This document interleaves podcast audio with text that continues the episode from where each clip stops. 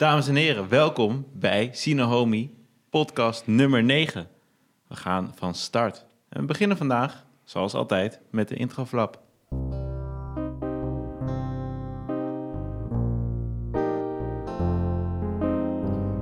De midjaardepressie ebt langzaam weg en maakt plaats voor leedvermaak en ongeloof.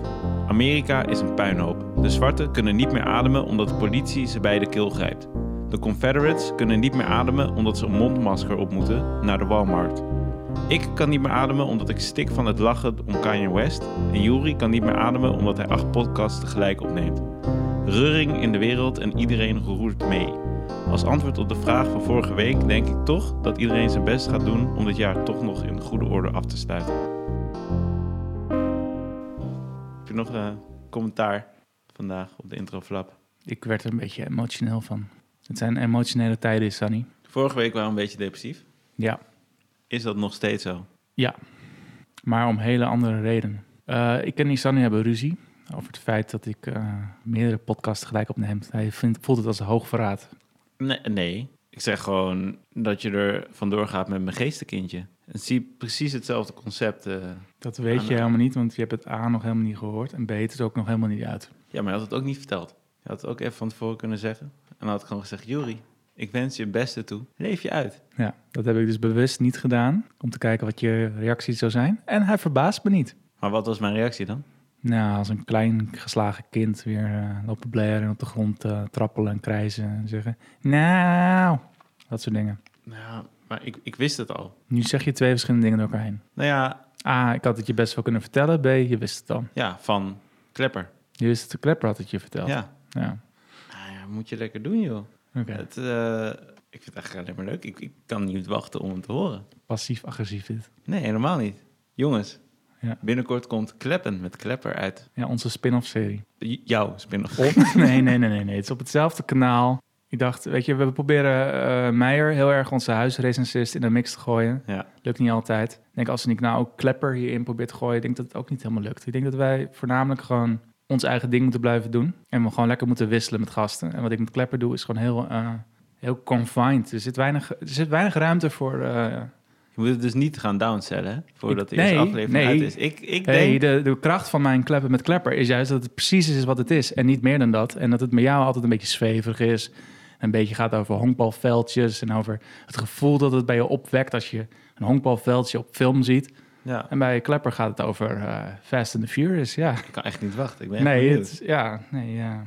Eh, ja, als het goed is deze week. Als het goed is, komt die vrijdag. Ik ga Maar hem ja. luisteren, ik ga recensies achterlaten. Hebben jullie ook een e-mailadres dan? Nee, nee, nee, dat doen we allemaal niet aan. Even wat anders. Het is nog steeds coronatijd. Ja. Ik lees verhalen over dat er gewoon weer, eh, dat de tweede golf, dat begint al een beetje te borrelen. Buitenland, hier ook een beetje. Dan zie je, eh, zie je kermissen, dan zie je gewoon mensen heutje meutje.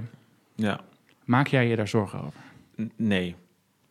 Eh, om de volgende reden. Er is een testcentrum in Amsterdam en op meerdere plekken. En de mensen die daarheen gaan zijn mensen met klachten die zouden kunnen wijzen op corona. En de mensen die die testen nemen is gegroeid met 62%. Er zijn nu iets van 6000 testen al afgegeven. En Ja. daarvan heeft 2,2% het virus. Ja, het is gewoon niet een heel hoog cijfer. En die testen zijn ook alleen maar een beetje om mensen gerust te stellen dat we iets doen om het in toon te houden.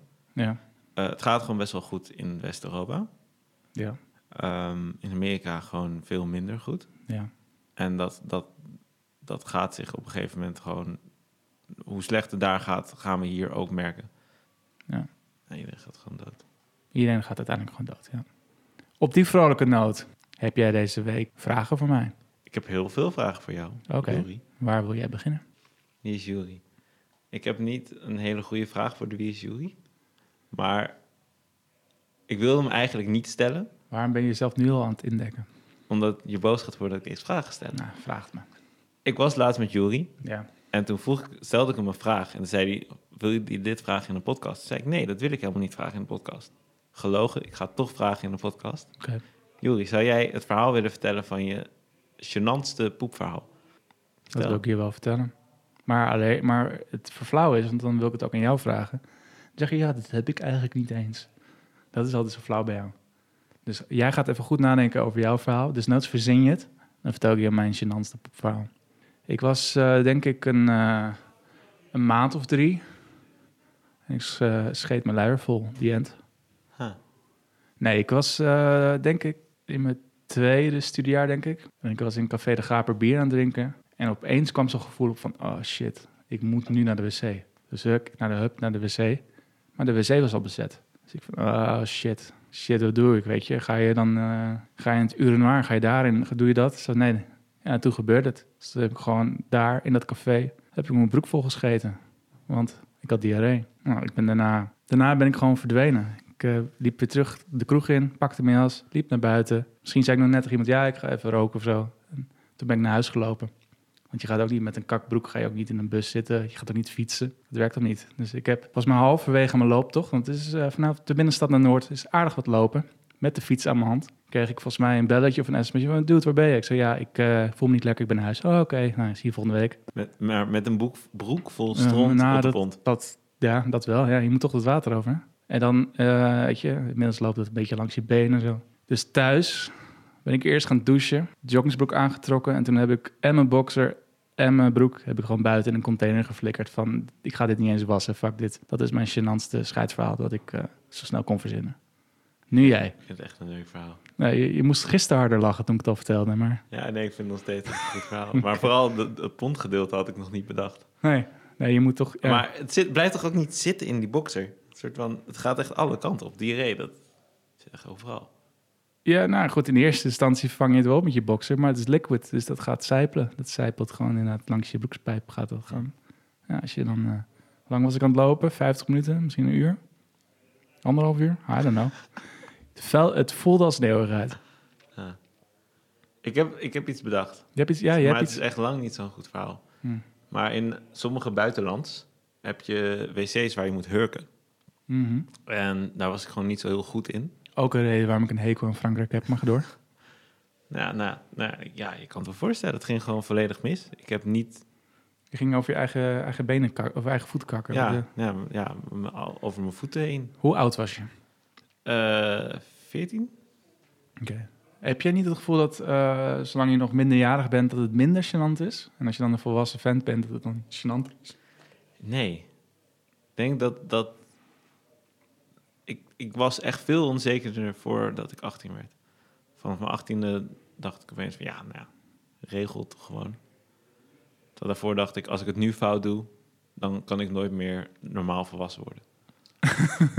als ik nu in mijn broek scheid... dan ben ik na mijn 18e nog steeds die broek scheid. Oh, je bedoelt dus naarmate je ouder wordt, interesseert het je minder allemaal. Ja. Trek je minder van anderen aan. Ja. Ja, dan denk ik, ja, kinderen doen het ook wel eens. Ja, Ik, eh, ik erg me er nooit aan. Mensen die pissend wilt. Ja. Oké, ja.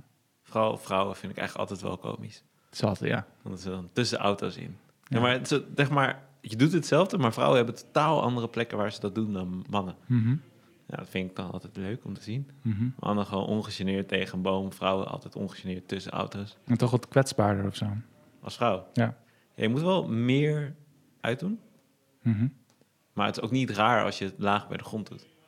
Hm. Dus Als, als je als man op je hurken zou gaan zitten en een soort van laag zou gaan plassen. Dat is raar. ja, Maar ja. is dat, is dat de feminist way, als we dat nu gaan doen? Als wij nu gewoon tussen twee auto's eh, gaan hurkend plassen. ik Zijn we dan... eh, beloof bij deze dat de volgende keer dat ik ga wilplassen, ik dat tussen twee auto's hurkend ga doen. goed zo. Kom er wel uit. Alright. Ga ik zeker doen. Laat me dan weten hoe dat was. Ja, ga ik, ga ik vertellen. Wil je meteen door naar de film? Nee, quiz eerst. Wil je eerst quizzen? Eerst quiz. Eerst quizzen. Quizzen. Oké, ik heb heel veel vragen, jullie. Oké. Sommige over films, sommige wat minder over films. Altijd over jaartallen. We beginnen met 2003. Ja. Kun je 2003 nog een beetje herinneren, Juri? Man, ik, eh, ik had mijn MAVO-diploma gehaald. Ik had, om als je dan eindexamen doet, heb je lang vakantie. Want ik ben daarna ook HAVO gaan doen. En dat, dat is misschien wel de beste zomer van mijn leven geweest. Ah, chill. Ik heb wel mijn eigen vraag net verneukt. Want het antwoord was 2003.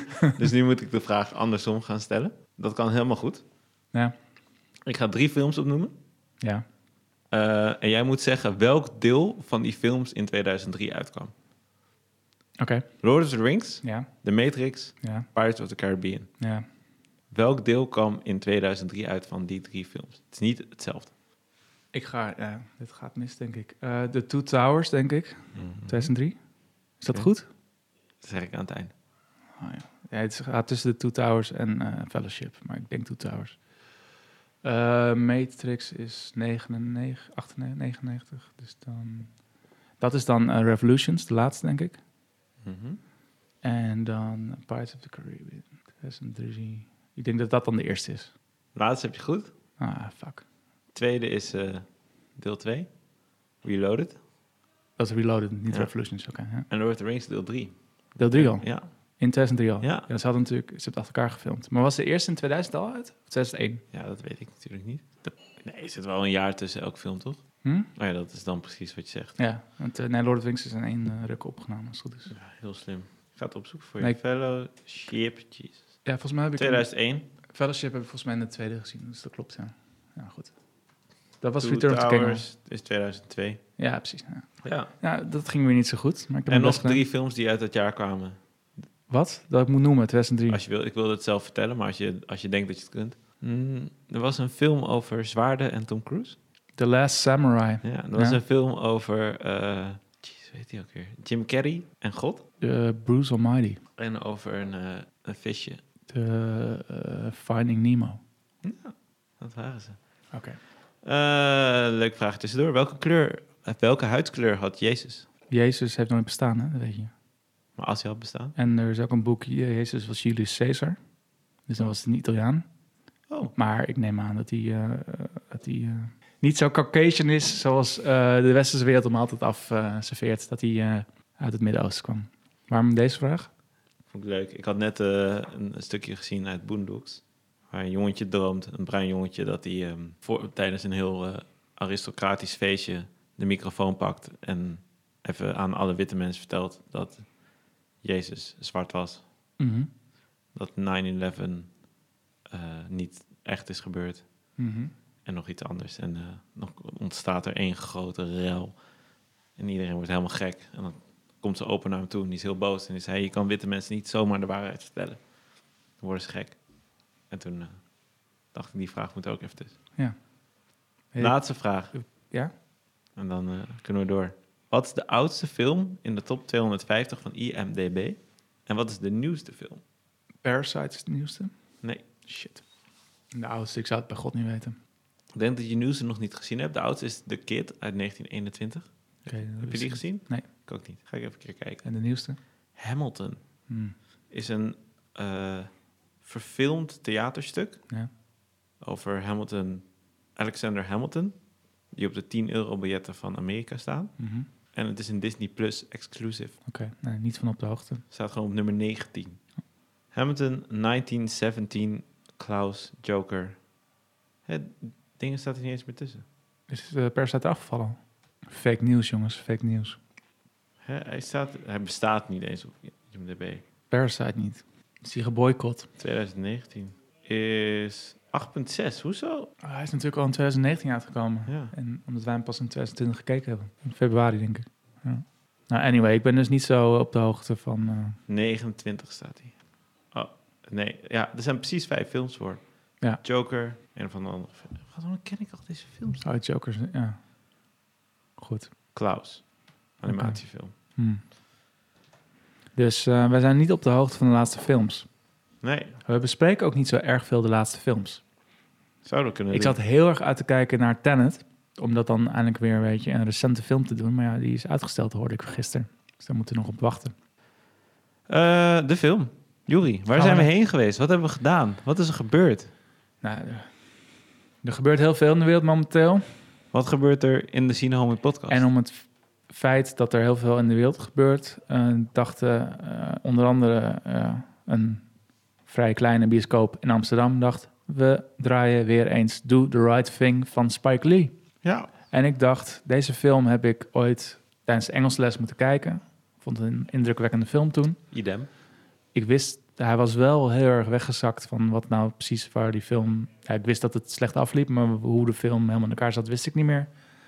Ik dacht, Isani, kom. Zo eh, maatschappelijk geëngageerd als wij zijn. Kom, we gaan deze film kijken en we gaan hierover praten. Dus we zijn naar de bioscoop geweest. Dat ten eerste. Dat was De al... bioscoop zat vol. Maar dat zit al snel vol als je zoveel eh, afstand moet houden van elkaar. Maar hij zat wel vol. Ja. Had ik niet verwacht op maandagavond. We moesten voorin zitten, voorste rij. Ja, hebben we niet gedaan. Nee. Dan zijn we wel weer rebels dat de regels spreken. Ja. Maar het moest, ja, de kleine bioscopen, net niet helemaal Ja. Hoe vind je dat eh, om te beginnen eh, dus onder coronatijd naar de bios gaan? Normaal ging ik, vond ik het niet fijn om naar bioscoops te gaan die druk zijn. Ik vind de hoeveelheid mensen die nu de zaal in kunnen echt perfecte hoeveelheid mensen. Ja, Alleen vind ik het, helemaal alleen vind ik leuk. ja, Vier andere mensen vind ik ongemakkelijk. ja. Twaalf andere mensen vind ik perfect. ja dit was eh, goed. Goed aantal. En het is, je merkt nu dat heel veel mensen op verschillende tijdstippen naar de bioscoop gaan. Ja, Vind ik dat, leuk. dat heb ik dus ook heel erg als ik nu het openbaar vervoer instap, denk ik. Godzijdank gaat er nu niemand naast me zitten. Daar ben ik echt heel blij mee. Mhm. Ik vond het altijd vervelend. Dan wil ik liever opstaan en gaan staan dan dat iemand naast me gaat zitten. Eh, dus ja, bioscoop vond ik leuk. Eh, het is niet trouwens de enige bioscoop die deze film nu draaide. Nee, dat klopt. Er waren best wel veel. Klopt. En En, ook, eh, terecht. Ja. Om ook meteen maar mijn mening te geven over de film. Het was een... ja, hij was gewoon pijnlijk on point. Voor een film uit 89. 89. Ja. Dat is 31 jaar oud. Ja. 31 jaar oude film en het is gewoon letterlijk wat er aan de hand is. Wat er nu precies is gebeurd. Scène voor scène. Ja, ik vond het, eh, ik vond het heftiger dan, dan toen ik hem voor het eerst zag. Ik had één, eh, één- één ding, vind ik, minder aan de film. En dat was de intro. Dat dansen? Dat dansen. De, in de intro danst Lisa, is dat toch? Die, die danst. Tina? Tina, Tina, niet Lisa. Tina. Ja. Tina danst Ja. en ze danst. ja. En ze heeft weer een nieuwe outfit aan en ze danst. Fucking goede film. Ik, eh, Oké, nou, dat, Nee, maar dat is letterlijk het enige wat ik dan kan opmerken. De intro. Dat dacht ik, oh. dat vond ik juist leuk. Want dat is ook het enige wat je leert over haar personage. Wat dan nog meer? Het is een moeder die een beetje thuis zit te wachten. En het zat is dat ze thuis zit te wachten. Ja, nou ja. Op zich, op zich had ze niet het voordeel van de twijfel gehad als niet die openingsscène er was geweest. Denk ik. Voor mij in ieder geval. Voordeel van Voor twijfel. mij was de openingsscène onderdeel van haar karakter. Want elk karakter in die film krijgt best wel weinig tijd om geïntroduceerd te worden. Wel allemaal precies evenveel tijd. En dat vind ik dus ook het mooie aan die film. De, de verdeling van de aandacht die elk personage krijgt... is gewoon helemaal gelijk zonder dat dat stoort. En ik vind wel, ik vind dus ieder personage eh, menselijk in deze film. Ondanks dat ze, nu niet, dat ze dus niet heel diep op iemand ingaan. Ja. Voelen het als mensen van vlees en bloed. Ja, ik had alleen bij eh, Radio Rahim had ik dat minder. Minder van vlees en bloed. Ja. Meer een soort eh, cartoon Mythe. character. Mythe was het. Mythe van de buurt. Ja, oké. ja. En, misschien, En dan krijgt, eh, ja, want voor de rest weet je ook niet waar woont hij. En weet je, hij gaat volgens mij in één keer alleen batterijen vervangen. Maar de, de- inderdaad, geen backstory. Maar de, de radioman, heeft hij een backstory ook niet? Is de andere nee, radioman. maar dat laat zich raden. En die, eh, ja, nee, dat laat zich meer raden. Maar Goed, we- misschien gaan- ook omdat het Samuel L. Jackson is, dat je gewoon in, al weet wat voor persoon het is. Ja, we gaan meteen inderdaad al eh, over karakters praten. Kan je me eerst vertellen waar deze film over gaat? Ja, Do the Right Thing van Spike Lee. Ehm, een film over... Het is een film over hoe een rel ontstaat in een zwarte buurt. En dat heb je niet door. Want wat ze eigenlijk doen is alle personages die enigszins invloed hebben op die rel... langzaam introduceren, één voor één, een beetje door elkaar heen. En je, leert, je komt helemaal in de buurt, je snapt hoe het werkt... je snapt de dynamiek tussen de verschillende mensen... En dan ontknoopt de film zich in een grote rel waarbij iemand sterft, mensen boos worden Sterft door politiegeweld ook. en mensen daar boos om worden en uiteindelijk een zaak in de fik steken van niet-zwarte bewoners in een zwarte wijk. Ja. Ik vond het vooral, het mooiste aan de film vond ik dat je aan het einde van die rel niet een dader aan kan wijzen, een goede of een slechterik. Nee. En gewoon denkt, dit is helemaal kut en het is niet eens Nou, iemands schuld. één- ik kan er één aanwijzen en dat is de gast die hem eh, blijft, blijft kelen. Ook al zeggen zijn eh, mede eh, politieagenten zeggen, kappen nou. Dit, hij, hij, hij stribbelt echt niet meer tegen. Dat is de ene, enige die ik denk, ja, geen sympathie voor deze man. Ja, aan de andere kant Maar we gaan gelijk kun je weer... je afvragen, had Cel het overleefd als ze er niet waren geweest? Wie? De eigenaar van de Ja. pizzeria. Die Ja. werd bij zijn keel gegrepen door Ray Rahim en Ja. eh, niemand kreeg hem er meer af omdat hij gewoon ongelooflijk sterk was. Ja. Totdat er een politieagent kwam met vijf maten die ook best wel Ja. sterk waren. Je kan je ook de vraag stellen, ehm, het moment dat eh Mookie, eigenlijk het hoofdpersonage, Mhm. een eh, garbage bin door een ruit eh, klettert. Ja, En dat de focus ligt op verdiening van, het, van de winkel. redt dat ook niet het leven van Cel. dat was de insteek van de film, naar mijn idee. Ik had, ik had het gevoel dat, dat hij dat probeerde te zeggen. Hij, die mensen werden bijna gelyncht en toen verschoof Ja, en, de eh, aandacht van de precies, menigte en- naar... En hun worden dan afgevoerd en op afstand gehouden ook, voordat ze dan eh, er weer tussen springen. Ja. een en al, eh, eigenlijk best wel veel lof voor deze film. Ja. Ik vond hem zeker leuker dan de vorige keer dat ik hem heb gezien. Inderdaad, hetzelfde als jij, op school. Ik ga Ja. even kijken of hij het eerste is. Nee, Niet zijn debuut? Oké. zijn debuut is 1986, She's Gotta Have It. Oké. Met, ik zie nu al twee dezelfde acteurs. En dan is Do the Right Thing gewoon de eerste bekende. Hoe, wacht even hoor. Hij komt uit 57. Deze film is uit 89. Hoe oud was hij toen hij deze film maakte? 33. Mhm. En hij speelt een 25-jarige. Ik vond hem er jong uitzien. Ja. Ja. Saar dacht dat hij nog jonger was. Nog jonger dan dat. Ja, Ja. Uit van, ja, het een jong voorkomen. Ja. Ik wist toevallig dat hij ouder was dan dat hij eruit zag. Dat Ja. heb ik toen ook al opgezocht. Wat, wat gaat blijven hangen bij deze film bij jou?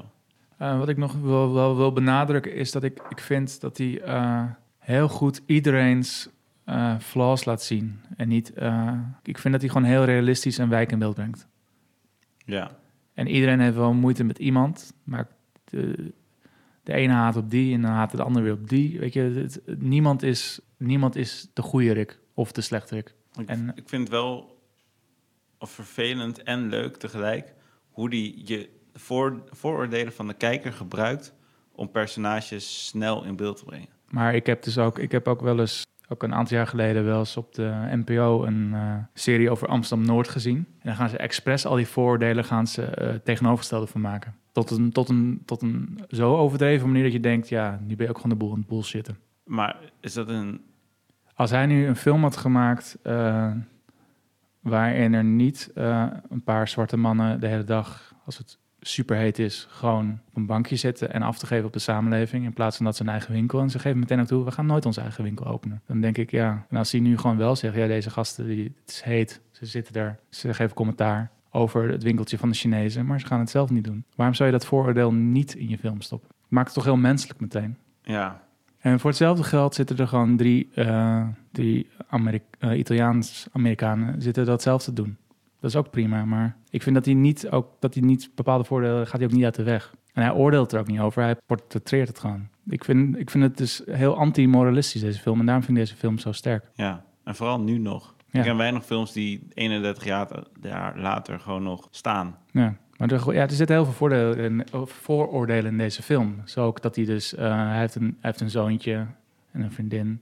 En het wordt een beetje afgeschetst als dat hij niet heel betrokken is daarbij. En dat oma eh, voor, voornamelijk voor het kind moet zorgen. Maar hij laat dat gewoon zien in beeld. En hij speelt zelf dat personage die dan niet heel betrokken zou zijn bij zijn zoon. Ja, En hij is, weet je, de, de andere bad guy die je kan zeggen is dan John Turturro, zeg maar de Italiaanse racist Hm? die niet wil dat gemixte rassen vriendschappen met elkaar sluiten. ja nou ja. En het ironische van deze film is, uiteindelijk wordt dus zijn vaders pizzeria, waar hij trouwens een hekel aan heeft, wordt door zwarte mensen eh, helemaal gesloopt. Waardoor hij dan weer kan zeggen, zie je wel, die kutzwarten maken alles kapot. ja. Terwijl in eerste plaats wilde hij niet eens in die pizzeria werken, dus ze zouden er blij om moeten zijn. Maar goed. En niet dat even ze... vragen, is het, was het niet allemaal net een beetje te simpel? Ja, maar je hebt anderhalf uur tijd om een film te maken. Ja. En het is film. En real life is veel gecompliceerder dan dat. Dus Ja, maar ja, oké, hadden niet een paar personages eh, weggelaten kunnen worden? welke? Ja, het is een groepje.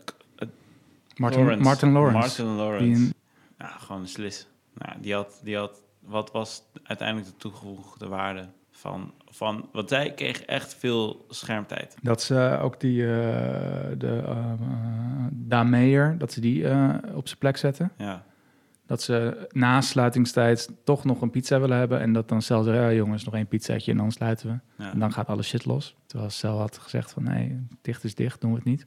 Wat is die, die stotteraar die eh, m- eh, Malcolm X en Martin Luther King eh, foto's wil verkopen? ja. Ik heb nog even opgezocht over hun trouwens. Even Over wie? rode draad kwijtrakend. over Martin Luther King en Malcolm X. Ja. ik had niet opgezocht. Ik had het al eerder een keer opgezocht. En hoe ver die twee uit elkaar staan in politiek standpunt is best wel bizar. Daarom was ik blij dat ik dus Zomergast heb gekeken, zondag. Wat dan?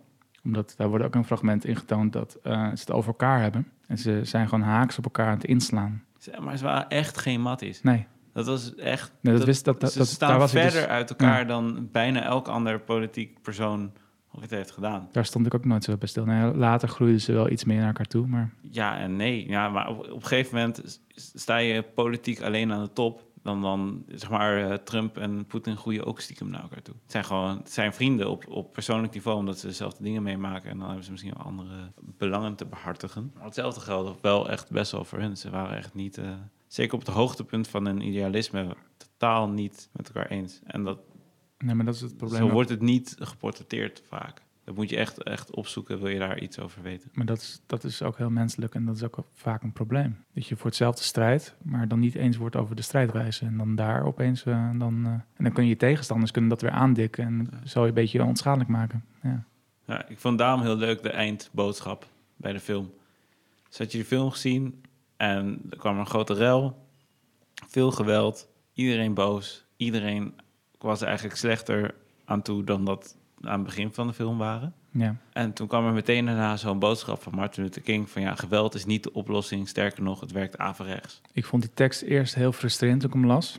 Toch? Dat je denkt van, oh, Tot ik las eh, welke twee mensen het gezegd hadden. En toen dacht ik, trok ik eigenlijk mijn voordeel weer in. Want maar ik het vond... tweede bericht was, Ja, oké, geweld, ik zeg niet gebruik geweld, maar soms is het de enige oplossing. klopt, En is het eigenlijk meer zelfverdediging dan geweld. klopt.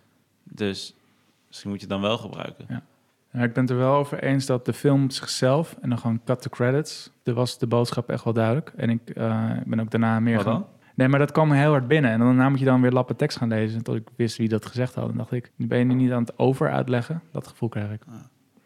Maar eh, ik heb daarna dus, ben ik dus meer gaan lezen over wat Spike Lee ook heeft gezegd... en wat mensen ook hebben gezegd over deze film. En dat is zo zonde, man. Wat? Wat? Als je daardoor weer, nou, onder andere was er veel kritiek in 89 toen hij uitkwam. Dat een paar recensisten hebben gezegd: deze film is gevaarlijk, want deze film zou aanmoedigen tot riots onder black mensen, zwarte mensen. Ah, Dat is hetzelfde argument altijd als van ja, je moet geen Call of Duty spelen, want dan op een gegeven moment pak je zelf een pistool en je mensen overhoop knallen. Weet je, het is zo'n zwakzinnig argument. Ja.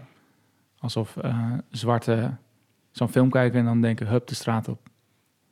En als Spike Lee zei dan ook, ja, als mensen dan een Schwarzenegger film kijken, gaan ze dan ook in, in, in het rond te schieten. Wat is dat voor argument?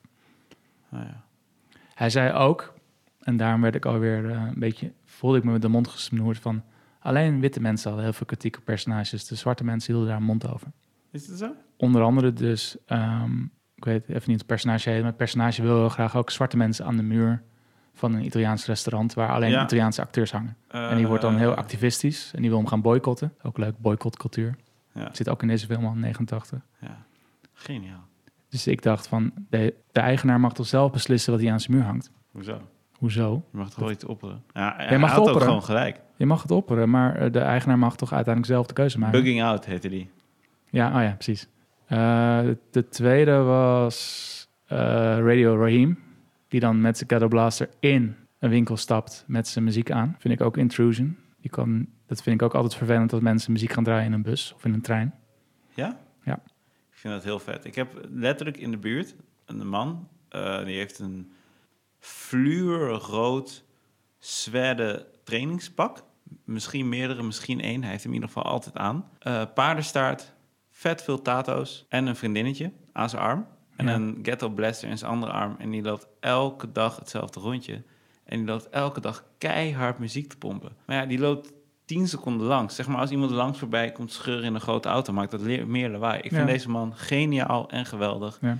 En het is inderdaad een beetje intrusion van je... nou, nee, maar als je, dus, whatever, als, maar- je, als je op full blast dus dan staat af te rekenen bij een Albert Heijn, dan was je ook nog mee geweest. Ik, ik, ik kom dan weer heel erg en dan zal het wel, zal het weer, wel weer mijn eh, positie zijn, mijn gebreken. Maar ik vind dat je dan in de openbare ruimte ruimte voor kan laten en dan stil bent. ja, hoezo? Dat, Als, zelf, als iedereen dat Maar- doet en er is één Ja. iemand die dat niet doet, dan is dat toch gewoon Ja, gruwelijk maar vet. hetzelfde als mensen die gaan bellen en dan bellend afrekenen. En dan door blijven praten met die persoon. Terwijl je wel te maken hebt met iemand waar je mee afrekent. Ik vind dat, ja, daar heb ik dan moeite mee. Er was een andere film, ik weet god niet meer welke film het was. Het ging ook over honkbal. En er was één jongen, Die was altijd één liedje aan het luisteren op zijn koptelefoon. Non-stop dat ene liedje aan het luisteren.